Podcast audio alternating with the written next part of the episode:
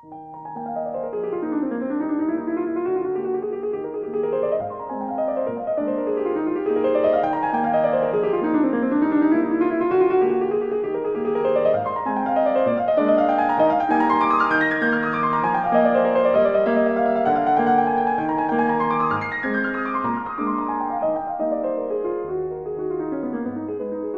iedereen. en welkom bij een nieuwe babbel over levenskunst met Gerbert Baks en mezelf, Arne van Haken. Gerbert, ik ben weer blij dat ik u zie, want ik zat ehm, te kijken in de ogen van mijn pasgeboren zoontje, die nu twee maanden is. Ja, proficiat, uh, Dank u wel. Dank u wel. Ik ben over het algemeen heel blij, maar daarnet viel- overviel mij zo het gevoel van een verpletterende verantwoordelijkheid voor dat kleine ding die mij zo met, met blanke ogen aanstaat van wat is dit allemaal? ik moet hier alles leren. En het deed mij zo denken over levenskunst en over hoe we het altijd hebben over eh, je verantwoordelijkheid nemen voor je gedachten, voor hoe je in het leven staat. Maar zo'n klein kindje, die kan dat dus helemaal zelf niet. Dat is dus, ik vermoed aan mij om dat aan dat kleine kindje bij te brengen. En ik vroeg mij ineens af van, ja, hoe zou Gerbert daarover denken? Want je hebt eh, onlangs ook een post gedaan op Facebook over Bino Singh, de kinderpsychiater, die ehm, heel pleidooi doet over hoe we kinderen moeten opvoeden. Je hebt daar een paar heel interessante dingen eh, over gezegd. Het is vooral ja, een pleidooi voor een meer collectieve aanpak en verantwoordelijkheid ten aanzien van de opvoeding van kinderen. En daarover wil ik het graag hebben, zo over levenskunst, over kleine kindjes en ook over die collectieve aanpak. Mhm. Zeer interessant, ja, inderdaad. Dus ja, om te beginnen. Je hebt dat, je hebt dat zeer goed om, om te beginnen. Ik denk dat je dat zeer goed eh, getoond hebt, ook in, in, je, in je gestiek. Zo. Eh, dat kleine wezentje dat inderdaad eh, op aarde aanbelandt, hè, bij, bij mensen die het niet gekozen heeft, op een plaats die het niet gekozen heeft. Eh, Dat kleine wezentje heeft geen enkele keuze natuurlijk, geen enkele vrijheid. Hè. Dat, dat is louter ondergaan en, en ja, hopen dat het goed komt, dat, dat alles komt wat het nodig heeft natuurlijk. Hè, ja. Maar die verwondering ook. Hè.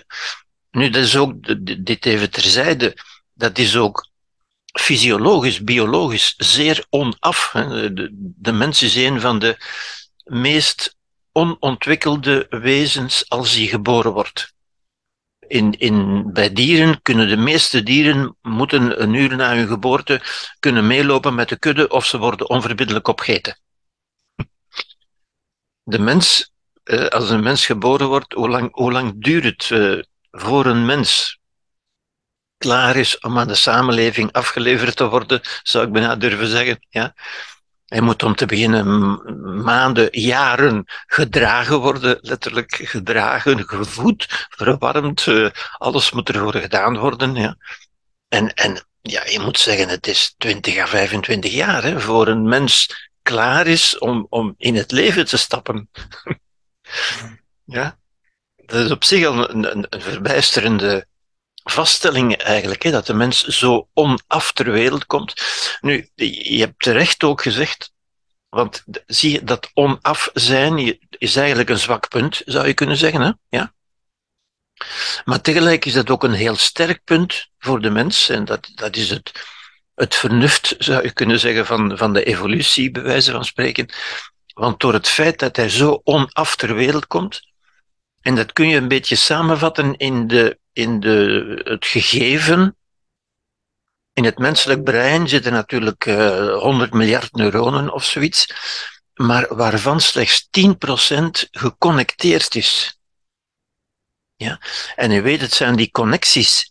Het zijn niet zozeer de neuronen die denken, het zijn de connecties die gemaakt worden, de circuits, de wegen, de paden in het brein, die zorgen voor het, voor het denken, voor wat we weten, voor ons bewustzijn en zo verder. Ja? Dus dat wil ook zeggen dat 90% nog geconnecteerd moet worden, maar dat wil ook zeggen dat 90% nog geconnecteerd kan worden. Dus de, de leernoodzaak, maar ook de leermogelijkheid, dat is een enorme kans. Daarmee kan de mens zich ook ongelooflijk aanpassen op, op elke mogelijke plaats van de wereld. En is de mens veel soepelder en aanpasbaarder dan, dan gelijk welk ander dier. En dat is uiteindelijk de superioriteit van de mens. Enfin, superioriteit, laten we zeggen, de, de, de meer ontwikkelde manier van zijn van de mens. Dus inderdaad, je, je legt de nadruk op die, op die zeer grote, om niet te zeggen, zoals je zegt, verpletterende verantwoordelijkheid eigenlijk, ja. Ja, ja. ja. En, en is het dan... Ja, zo'n kindje is een spons, dus die, die leert, vermoed ik, vooral door, door omdat taal is nu nog niet uh, aan hem besteed. ja. Maar die, die, ja, die groeit. Ik denk, initieel is het nu zo gewoon maken dat dat kindje in leven blijft. Ja, ja. Eten en slapen en naar het toiletje gaan, bla bla. Maar um, ja, ik, ik, ik vraag me zo af van, wat is jouw visie dan?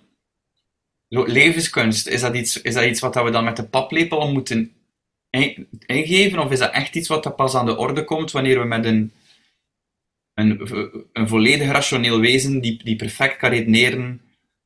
Um, want ik wil zeggen, we, bijvoorbeeld, wij gaan naar een lezing van jou en we zijn allemaal volwassenen en we voelen een soort van honger. Er is een verstoring geweest in ons leven of zoiets, waardoor we iets hebben van, we willen die levenskunst bewuster gaan leven. Maar ik vraag mij af, zo bij een kindje, kan je dan ook al levenskunst bijbrengen of zo? Wel, dat kind gaat natuurlijk niet actief levenskunst beoefenen of daarover nadenken. Hè. Maar ik denk dat het, dat het buitengewoon belangrijk is dat dan dat kind, dat dat kind aan het leven begint met een juiste, enfin, juist is ook geen goed woord, met een, met een, met een optimale, met een zo goed mogelijke ingesteldheid. Een ingesteldheid, ja. Ja. Mhm. En ik denk daarin gaat dat kind automatisch, want ook daarin heeft dat kind geen keuze natuurlijk. Hè. Dat kind gaat absorberen wat het ziet. En het ziet ouders die op een bepaalde manier leven, maar die vooral ook, denk ik, de boodschap meegeven van je bent wel gekomen of je bent niet wel gekomen. Je mag er zijn of je mag er niet zijn. En ik denk dat is zo'n noodzakelijke basis, zo'n noodzakelijke.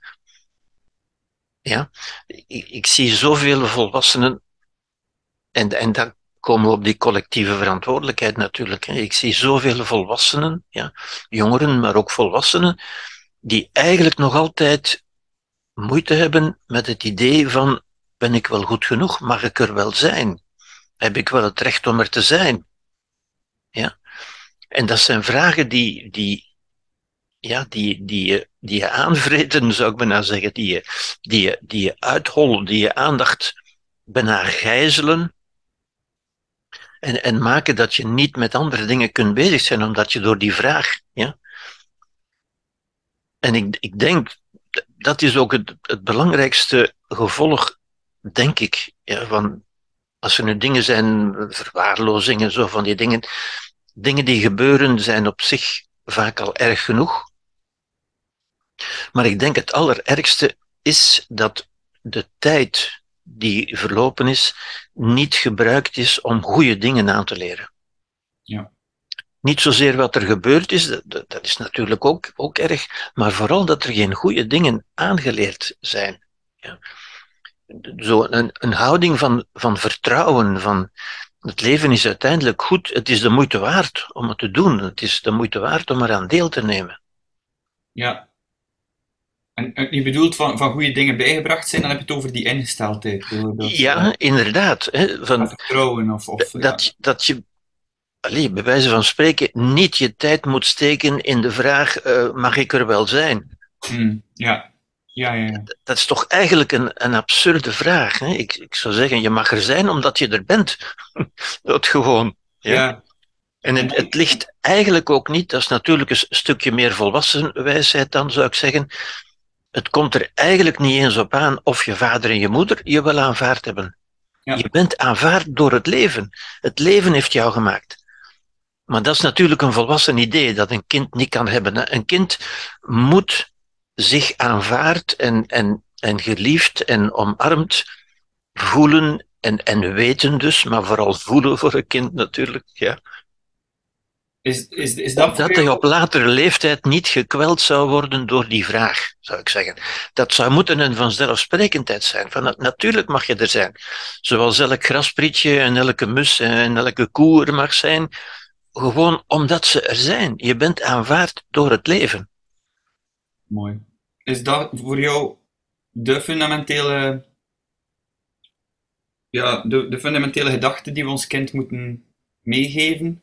Omdat als ik het daarover heb van wat kunnen we die bijbrengen, en dan, dan het eerste wat hij zei was van je bent welkom of je voelt je niet welkom, je voelt je gewenst of niet gewenst. Is dat de, de binaire keuze waar, waar het eigenlijk... Uh, ik denk het eigenlijk wel. Ik denk het eigenlijk wel. Omdat dat de basis is. Ja. Als, als, dat, als je daarvan goed overtuigd bent, als dat een uitgangspunt is, zou ik zeggen, dan, dan heb je een basis om te, om te vertrekken, om, om de wereld te gaan bekijken en te onderzoeken en er, en er goede dingen in te doen. Ja? ja. Dat is trouwens ook het idee van, van dat heeft ook uh, Bowlby vastgesteld, Bowlby, de vader van de, van de hechtingstheorie. Ja, ja oké, ja. ja.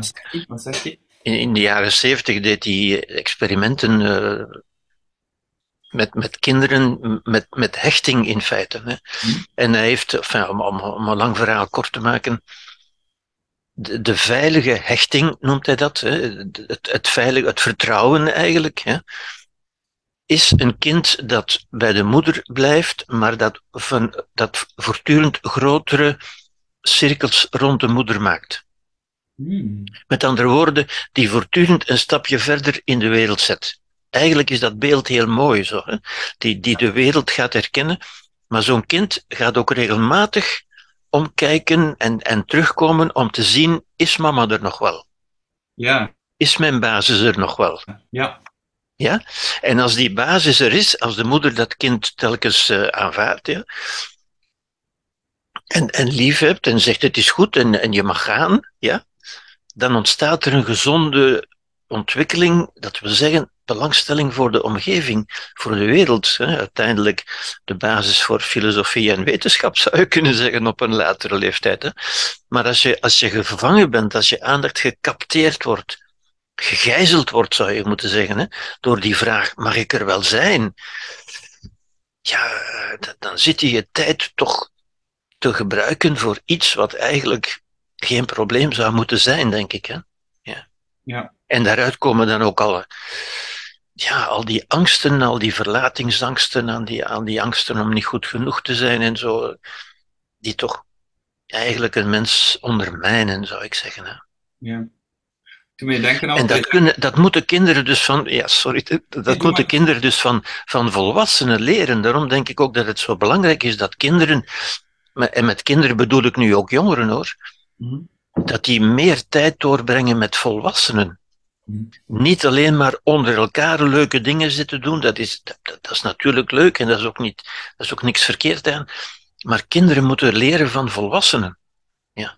En volwassenen hebben dus de verantwoordelijkheid van te beseffen, die kinderen kijken altijd naar mij. Gelijk wat ik doe, kinderen kijken naar u. En bij gelijk wat je doet, plant je zaadjes eigenlijk in het, in het brein, in het bewustzijn van die kinderen. Ja. Ja, dat valt nu al op in de meest uh, banale dingen. Hè. Uh, bijvoorbeeld, ik zit in de zetel op mijn gsm te kijken en mijn dochtertje van, van bijna drie zit te spelen. En dan, dan denk je van, ah, dat, dat, dat, ze, dat ze dat niet in de gaten heeft of zo, maar ze ziet alles, dus zelfs zo... Ze ziet alles, ja. ja. Dus, um, ja. Je kunt niet die zien alles. Je kunt niet opvoeden door te zeggen, je moet dit, je moet dat. Je moet eigenlijk echt wel voordoen, want anders hebben ze zoiets van, papa... Ja, ja. En je kunt ook nooit weten hè, welke conclusies dat kind er, eruit gaat trekken. Mhm. Want op een bepaald moment kan die conclusie postvatten, zou ik zeggen. Hè. Dat is geen bewuste, of niet noodzakelijk een bewuste, hè, maar dat kind kan het, kan het idee krijgen, hè, dat idee vat post, plant zich in dat, dat bewustzijn in, van bijvoorbeeld, ja, papa ziet zijn gsm liever dan mij. En telkens hij dat ziet, kan hij zeggen van, ja, zie je wel, papa, papa ziet mij niet echt graag. Ja, ja. En dan gaat dat kind zich moeten inspannen, die gaan dingen doen om de, om de aandacht te trekken, hè, zoals kinderen dat doen. Ja. Dat kan huilen zijn, maar dat kan ook iets anders zijn natuurlijk. Hè. Dat zijn manieren van, van aandacht te krijgen, van, van zie mij, hou van mij. Ja, ja, en dan moet je opletten dat je ze niet alleen aandacht geeft als ze iets stout doen, want dan denken ze van, ah ja, dit werkt. Uh, juist. De enige manier waarop dat zeer papa... ja, zeer juist, ja. Ja, ja dat zijn... Uh, en dat zijn zo makkelijke dingen die, die, als, die blinde vlekken zouden zijn, tot dat ze het huis uit zijn, bij manier van spreken, omdat... Ik heb gelukkig, ik heb gelukkig uh, het geluk van met de psycholoog samen te zijn, die me er heel bewust van maakt. Ah ja. ja. Let op met wat hij nu zegt tegen Loes, of wat hij niet zegt tegen Loes. Ja, inderdaad. Uh, maar ik bedoel, amai, moest ik... Moest ik ja, er is zo dat, dat plaatje, ik heb het onlangs op Facebook gezet ook, denk ik, van die, een, een vader en een kind die, die wandelen, die lopen ergens. Hè? En die vader zegt tegen dat kind, let op waar je je voeten zet. Ja. Let op waar je loopt. En dat kind antwoordt aan die vader: Jij moet opletten want je, waar je loopt, want ik zet mijn voeten in jouw voetstappen. Prachtig. Dat, oh, ja. ja. Oh, post die een keer op je Facebook. Ik wil die ja. hebben. Prachtig. Ja, dat is inderdaad. Hè, dat, prachtig samengevat. Ja, dat is prachtig samengevat, hè, inderdaad. Ja. Ja. Zeg, om even dan de, de link te maken naar het volwassen leven. Eh, omdat ik kan me inbeelden dat er misschien ook mensen zijn die aan het kijken zijn die denken van oei, ik heb zelf uh, zo'n kindertijd gehad. Of omgekeerd, oei, ik ben zelf niet echt bewust geweest met mijn kinderen, dat was niet optimaal. Ja. Ja. Is het nu allemaal naar de verdoemenis? En dan wil ik graag het voorbeeld aanhalen van uh, Peter de Graaf. Ik moest eraan denken omdat je daarnet het voorbeeld gaf van die man van de hechtingstheorie en die grotere cirkels rond de moeder. Ja. En dat deed me denken aan uh, Peter de Graaf is een, een hele goede acteur, meesterverteller, uh, is heel hard bezig met meditatie en zo, maar heeft een heel erbarmelijke jeugd gehad als Mm -hmm. internaat, uh, quasi weeshuistoestanden. en hij zei ook zo heel mooi, hij, hij gaf het voorbeeld van mensen zeggen altijd van heel goed alleen spelen, bijvoorbeeld. Ze zitten, de, de volwassenen zitten aan tafel koffietje te drinken als zijn kindje spelen met een popje. En dan zegt Peter zo van, nee, dat kindje is niet alleen aan het spelen. Want Ja. Dat kindje is wel met die pop bezig, maar dat kindje weet, mijn Ja. mama zit daar. Ja. En ik vond dat zo'n mooi en schrijnend voorbeeld, want hij zei van, zet dat kindje in een weeshuis met dat popje, en dat zal niet meer spelen met dat popje, en dat zal met ogen als schaaltjes zitten kijken naar een muur, en dat zal niet meer tot spel komen. Mhm. En, en ik vond dat zo'n mooi Ja. onderscheid tussen, dat is niet alleen zijn, dat is, dat is nog altijd die veiligheid, die gehechtheid van wetende van, er is hier iemand voor mij. Ja. Ja. En dan kan je inderdaad die grotere cirkel hebben. Hè? Dus eh, dat wil ik ook nog even vertellen, ik vond dat een heel mooi voorbeeld. Maar dan ook Peter de Graaf, omdat dat iemand is die duidelijk geworsteld heeft, of nog altijd worstelt met die vraag waar je het over hebt, van eh, mag ik er zijn, mag ik welkom zijn. Een hele grote problematiek met drank en drugs gehad. Ja. Vertel hier geen geheimen, hij, hij vertelt er ook in Touché, in Ja, ik weet het. Ik weet het. Ja, ja, ik weet het. Ik kan er heel, ik kan er heel mooi over vertellen. Ja. En tot op dag van vandaag ja, is hij ermee bezig, worstelt hij daarmee, die medita interesse in de meditatie is ook daardoor gekomen. Dus mijn vraag is dan eigenlijk van, oké, bon, we hebben ehm, een vreselijke kindertijd meegemaakt bijvoorbeeld, of eh, we hebben zelf niet, geen goede relatie met onze kinderen gehad. Ehm, is die schade dan nog in te halen? Is die schade, het woord alleen al, is dat... Is Ja, dat het wordt alleen al Ja, inderdaad. sorry, ik gebruik een vreselijke Schade-.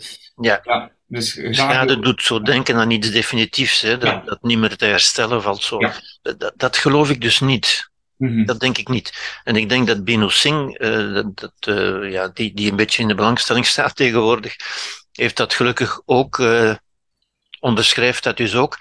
Maar het is wel zo dat je daar een heel stuk van je, van je, je mentale bezigheid moet aan wijden dan natuurlijk. Hè.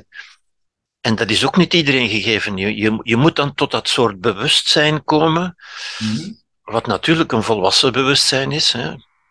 Als volwassene, maar dat is ook weer makkelijker gezegd dan gedaan natuurlijk. Hè. Als volwassene ben je niet verplicht van te blijven geloven wat, wat je als kind gezegd is, of wat je als kind gedacht hebt of geconcludeerd hebt uit wat je gezegd hebt. Maar dat is natuurlijk makkelijker gezegd dan gedaan. En ja, ik, ik heb zo dat beeld eh, dat een kind, een kind moet op de eerste plaats leren zijn spieren te gebruiken. Want in, in het begin gaan die spieren alle, alle richtingen uit. Ja? En een kind moet leren die spieren gecoördineerd, gestructureerd, geordend te gebruiken. En dat is wat we lopen noemen. Hè. Eerst kruipen en dan lopen. Dat wil eigenlijk zeggen je spieren leren gebruiken. Hè. Ja? En als jij, ik zie daar die piano achter jou staan, als je leert piano spelen, uiteindelijk is dat ook je spieren leren gebruiken. Hè? Je vingers op de juiste manier bewegen. Dat is je spieren leren gebruiken. Hè? En ik vind dat een interessant beeld, want, want je kunt dat. Je kunt dat dus als je dat doet. Hè? Zo, zo moet je ook leren op een latere leeftijd uh, je emoties te besturen, te gebruiken. Ja? Dat, dat behoort tot onze menselijke mogelijkheden zoals spieren, tot onze menselijke mogelijkheden behoren. Ja. En op nog een latere leeftijd moeten we leren onze gedachten. Maar dat is, ik, ik wil niet zeggen nog moeilijker, maar daar worden we weinig bij geholpen, zou ik zeggen. Ja? Zodanig dat mensen ook het idee hebben dat ze gekweld worden door die gedachten uit hun jeugd, die altijd terugkomen. Ja? Ben ik wel goed genoeg? De, de fundamentele gedachte eigenlijk, de fundamentele twijfel en de fundamentele angst van de mens ook. Ja? Om niet goed genoeg te zijn, met als gevolg niet geliefd zijn, afgestoten worden, er niet bij horen, enzovoort enzovoort. Allemaal de fundamentele angst van ik, ik voldoe niet, ik ben niet goed genoeg. En dat is een vraag, ik, ik denk ook altijd dat ons brein werkt zo, denk ik. Hè? Vragen waarop wij geen antwoord geven, of waarop geen antwoord komt, laat ik het zo zeggen, ja? die blijven terugkomen. Die vragen verdwijnen niet, tenzij men daar een afdoend antwoord op geeft. Ja. Dan kan zo'n vraag te rusten worden gelegd, zoals ik het soms zeg. Ja. En dat is natuurlijk goed, hè? Dat, heeft, dat, dat is ook heel, heel stimulerend en dat kan tot veel creativiteit leiden zo'n vraag die zich voordoet, ja, eh, dat heeft Einstein aangezet tot zijn onderzoek en, en Darwin tot zijn onderzoek. Dat is, het, dat is wat de mens doet. Hè. Vragen reizen en vragen beantwoorden. Maar als die vraag over je eigen bestaan gaat, dan doe je daarmee eigenlijk niet zoveel positiefs. Hè. Je, zou kunnen zeggen, en je geeft het voorbeeld van Peter de Graaf inderdaad, die heeft er wel eens creatiefs mee gedaan. En hij doet dat nog natuurlijk, hè, maar je zou ook kunnen zeggen, met een andere ingesteldheid, ja. Ik zou zeggen, ik, ik denk persoonlijk, uh, Bach zou Bach niet geweest zijn en, en Mozart zou Mozart niet geweest zijn, als ze voortdurend hadden zitten denken van, van mag ik er wel zijn? Ja. ja? Die, als die vraag je, je geest in beslag neemt, ja, dan doe je geen andere dingen meer, denk ik. En, en dat is het eigenlijke drama. Mm. Ja? Ja. En daarom denk ik dat het belangrijk is, en, en je kunt het natuurlijk als volwassene, ja, maar ook daar moet je dan een antwoord zoeken. Hè. En ik heb het antwoord daar straks eigenlijk al een beetje gegeven. Ik denk dat het, dat het ja, een, beetje, een beetje zinloos is van nog steeds de goedkeuring van je vader of je moeder te verwachten of te hopen of te proberen te krijgen. Mhm. Ik, ik denk een beetje het verlossende antwoord is van je bent aanvaard omdat je er bent. Niet omdat je vader of je moeder je goedgekeurd hebben, of, of je klasgenoten, of je, of je leraren, of wat dan ook, maar omdat je er bent. Je bent aanvaard omdat je er bent, zoals, zoals elk grasprietje en elk vogeltje eh, en elke boom er mag zijn, omdat die er is, doodgewoon. Ja. Je moet niet goedgekeurd worden. Je bent aanvaard omdat je geboren bent. En dan wil ik het ook nog graag hebben over uh, maatschappelijk aspect. Zo, uh, Herbert, zijn jullie allemaal heel interessante dingen aan het vertellen zijn, maar in maatschappelijk opzicht, waar loopt het volgens jou goed? En belangrijker, waar loopt het een beetje mank? En dan denk ik vooral aan wat dat Bino Singh zegt, die is vooral in het nieuws gekomen dan door de kinderopvang en de, Mhm. de theorie van de eerste duizend dagen zijn heel belangrijk om dan veilig te hechten en zo. Eh, de overbevolking in de kinderopvang. ehm, dus ja, in maatschappelijk aspect zijn, zijn, we volgens jou goed bezig? Zijn we te bemoederend? Eh, zijn we, nee, het kan niet bemoederend genoeg zijn in het begin. Wat is jouw visie daarop? Ik, kijk een beetje, zeggen de laatste, het laatste jaar, laten we zeggen, met verbijstering naar de, naar de wereld. Ja. En wat ik daarnet, wat ik daarnet ook zei, uh, er is natuurlijk die oorlog. Waar we niet langs kunnen, hè, waarvan je dan toch zegt van, hoe is het nu mogelijk dat mensen elkaar zo'n dingen aandoen? Ja, dat is toch totaal barbaars, totaal redeloos. Ja. Mhm. Maar ik zie dat natuurlijk, ik zeg dat natuurlijk ook, of ik bedenk dat natuurlijk ook. Als ik mensen zie in, in, in, in vechttoestanden, of het nu een vechtscheiding is, of een, of een vechterfenis, of wat dan ook, overal waar mensen in conflict zijn met elkaar, komen de, de, de laagste, ja, de laagste tendensen, emoties dus, ja, dat is emotioneel, hè. Poetin is een emotioneel wezen.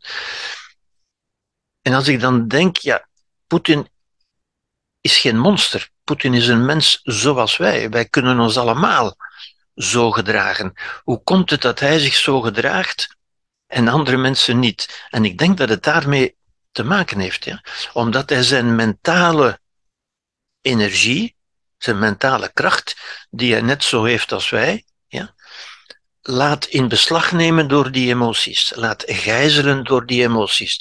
Door die, die wrok, die, vra die, die, die wraak, die, die haatgevoelens. En uiteindelijk denk ik ook door, door dat ongelukkig zijn. Ik denk dat Poetin een ongelukkig mens is. En ik denk, ik denk dat we dat nogal gezegd hebben. Als je je afvraagt, zou een gelukkig mens ook zoiets doen? Dan, dan moet je toch zeggen, nee, dat, die zou dat niet doen. Hè? Die zou muziek maken of die zou liedjes schrijven, zoals... Zo. Ja, ja, ja je, je, je creëert dingen. Je bent aan het creëren. Ja? Voor andere mensen, om, om de samenleving aangenaam te maken en zo verder. Je gaat toch niet als een klein kind met modder naar elkaar gooien of, of met kruisraketten. Ja, dat is louter destructie, louter vernietiging van leven, van, van materiële toestanden van, van cultuur, van beschaving. Dus ik denk dat we, dat we, ik denk dat we niet goed bezig zijn. Ja, maar neem nu en het enige antwoord dat ik daar voor mij kan op geven, want dat is ook een vraag natuurlijk, het enige excuus dat ik daarvoor kan bedenken, zo gezegd, is van te zeggen, ja, de mens is nog een jonge soort. Wij zijn nog jong. Wij hebben dat, dat ongelooflijke instrument, ons bewustzijn, onze redelijkheid, ja, we hebben dat nog niet behoorlijk leren gebruiken. We zijn nog veel te veel als dieren die elkaar bestrijden en bevechten. Maar ik ga 100% akkoord, maar wat ik bedoel met zo het maatschappelijke daarover hebben, is bijvoorbeeld, dan zo, bijvoorbeeld die overbevolking van de crashes. Hebben we genoeg aandacht voor de noden van kleine kinderen zodat we onze kinderen niet transformeren in kleine Poetins. ja, ja, maar dat is de goede vraag, denk ik, inderdaad. Ja. En ja, Binu Singh, om, ze nog een keer te noemen, zegt eigenlijk van niet. Ja? Dat er onvoldoende aandacht is. Het, het is een beetje, denk ik, dat, dat zijn dan mijn woorden hoor, dat is, want zij is, heel, zij is heel mild natuurlijk. Ja? Ik denk dat kinderen te vaak leuk worden beziggehouden ja? Opdat de ouders er verlost zouden van zijn, zou ik zeggen. Ja? Maar dat dat niet in het, in het beste belang van die kinderen is. Ja? Want die hebben op dat moment geen contact met, met die ouders eigenlijk. Ja? Ja. En daar komen we, de, de, dat is dan het idee van. Ja, in, ik, ik zeg vaak een beetje, een beetje, een beetje cynisch en een beetje uh, verstorend misschien, dat, dat kinderen opgesloten zijn in een klein kerngezinnetje met alleen maar die ouders. Ja? Maar omgekeerd zijn die ouders ook opgesloten met die kinderen. Hè? Die zijn op elkaar aangewezen in feite. Vandaar ook dat idee dat, dat Bino Singh ook uh, propageert. Hè, voor eigenlijk om een kind op te voeden heb je een heel dorp nodig. Zoals dat in Afrika was, zoals het ook in India was, waar Bino Singh vandaan komt. En dan kunnen die kinderen zich tot meerdere volwassenen wenden, met, met meerdere volwassenen contact hebben, daarvan leren, andere levensrollen en levensmodellen zien. Ja? En is het niet zo dat als het een keer niet zo goed gaat in het kerngezinnetje, dat ze daarmee onder lijden, maar dan kunnen ze eh, uitwijken naar andere, ze hebben andere modellen dan iets feiten. Terwijl ook ouders minder gevangen zijn door die kinderen. Ja. Want het, het, is, ik, het is natuurlijk ook een beetje ja, merkwaardig dat, dat ouders heel hun volwassen leven zouden moeten, of een stuk van hun volwassen leven, zouden moeten spenderen aan, aan dat ene paar kinderen. Ja? Ja, en, dat is echt, is dat dan niet, dat zal waarschijnlijk iets van onze tijd zijn, maar dat is inderdaad hoe, hoe ik het nu ook ken.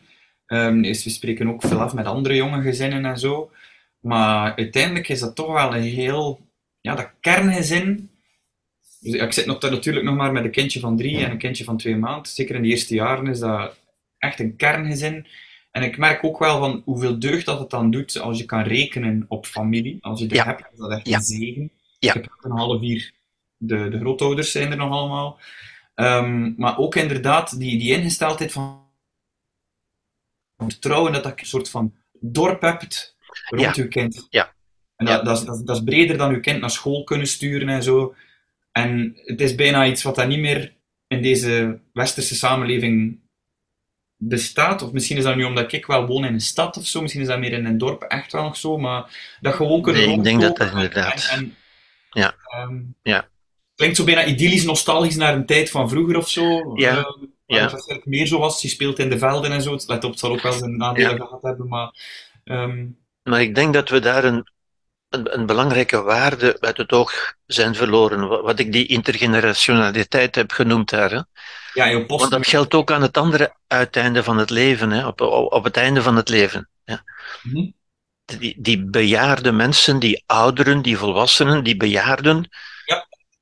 die worden ook een beetje geïsoleerd, een beetje of, of, of helemaal geïsoleerd. Hè, in, in, in, in bezigheidsinstellingen zou ik bijna zeggen, hè, in, in rusthuizen, ja, waar zij niet meer tellen in feite. Hè, ja. Terwijl dat eigenlijk zijn, zijn die volwassenen zijn de, hebben de grootste wijsheid in principe. Die zouden de wijsheid moeten doorgeven aan, aan jongeren, hè, zoals dat nu door, door psychiaters zoals Bino Singh wordt gedaan bijvoorbeeld. Maar eigenlijk doet zij wat, wat normale volwassenen en bejaarden zouden moeten doen voor de jongere generaties die hen opvolgen.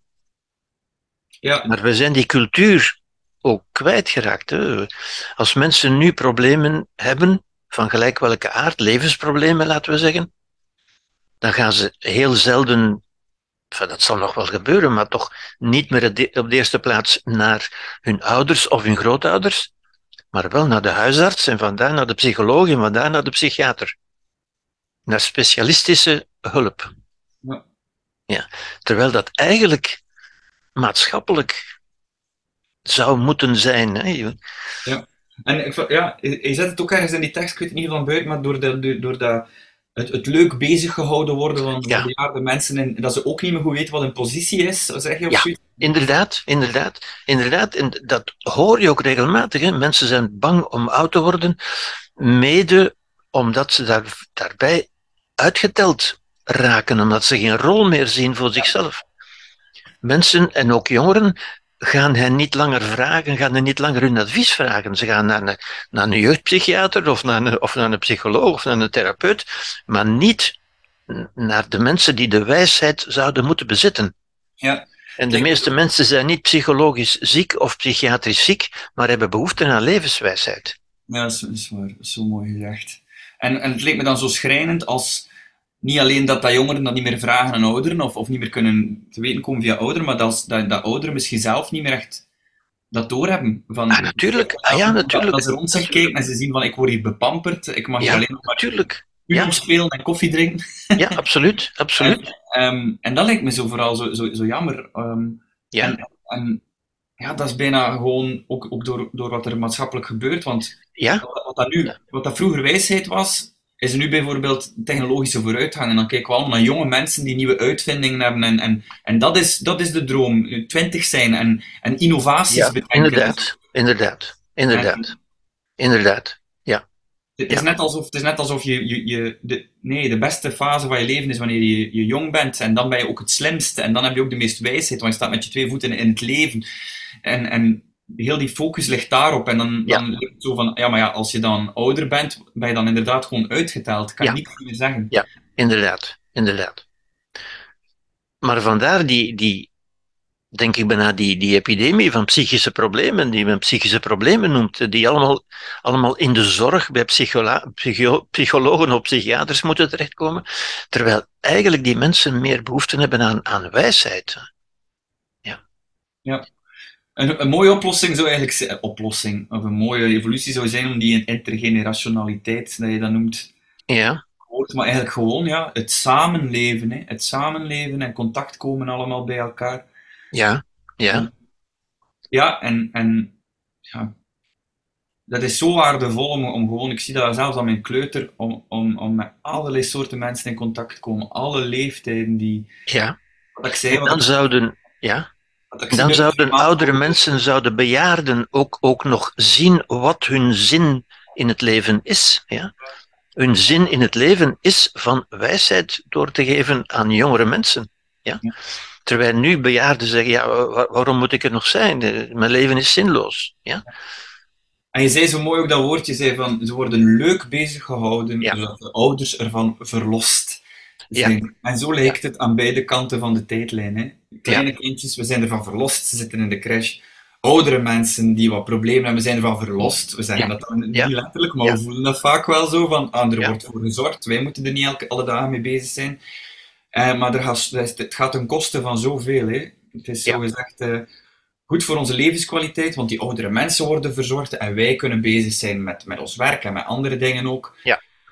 Maar ja, er, er wordt ook veel weggesmeten op die manier, denk ik. Ja, ja inderdaad. Een interessante bedenking van jou om, om dat zo keer allemaal in één anekdote te zetten, zowel de crashes als de bejaarden te huizen. Het is ja. Ja, het is hetzelfde probleem, hè? Aan, de, aan de twee uiteinden van het leven bijna. Ja.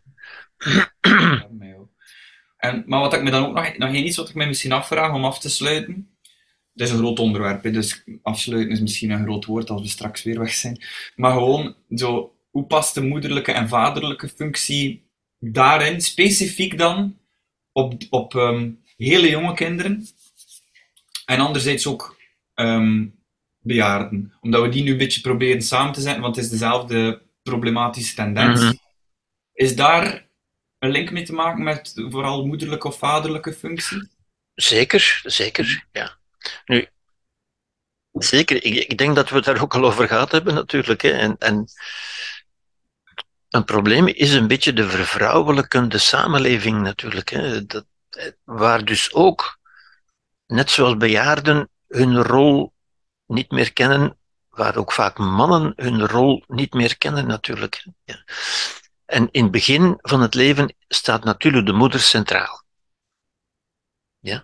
Zo'n zo kind komt volkomen hulpeloos, volkomen afhankelijk en moet inderdaad gedragen en verzorgd worden. Ja? Maar naarmate we ouder worden, moeten we minder gedragen en minder verzorgd worden, maar moeten we ons invoegen, inschrijven in een samenleving. Ja? Dus die, die cirkels rond de moeder, zou ik zeggen, worden altijd groter en zijn ook mentale en sociale cirkels. En daar komt de vader in beeld. Ja?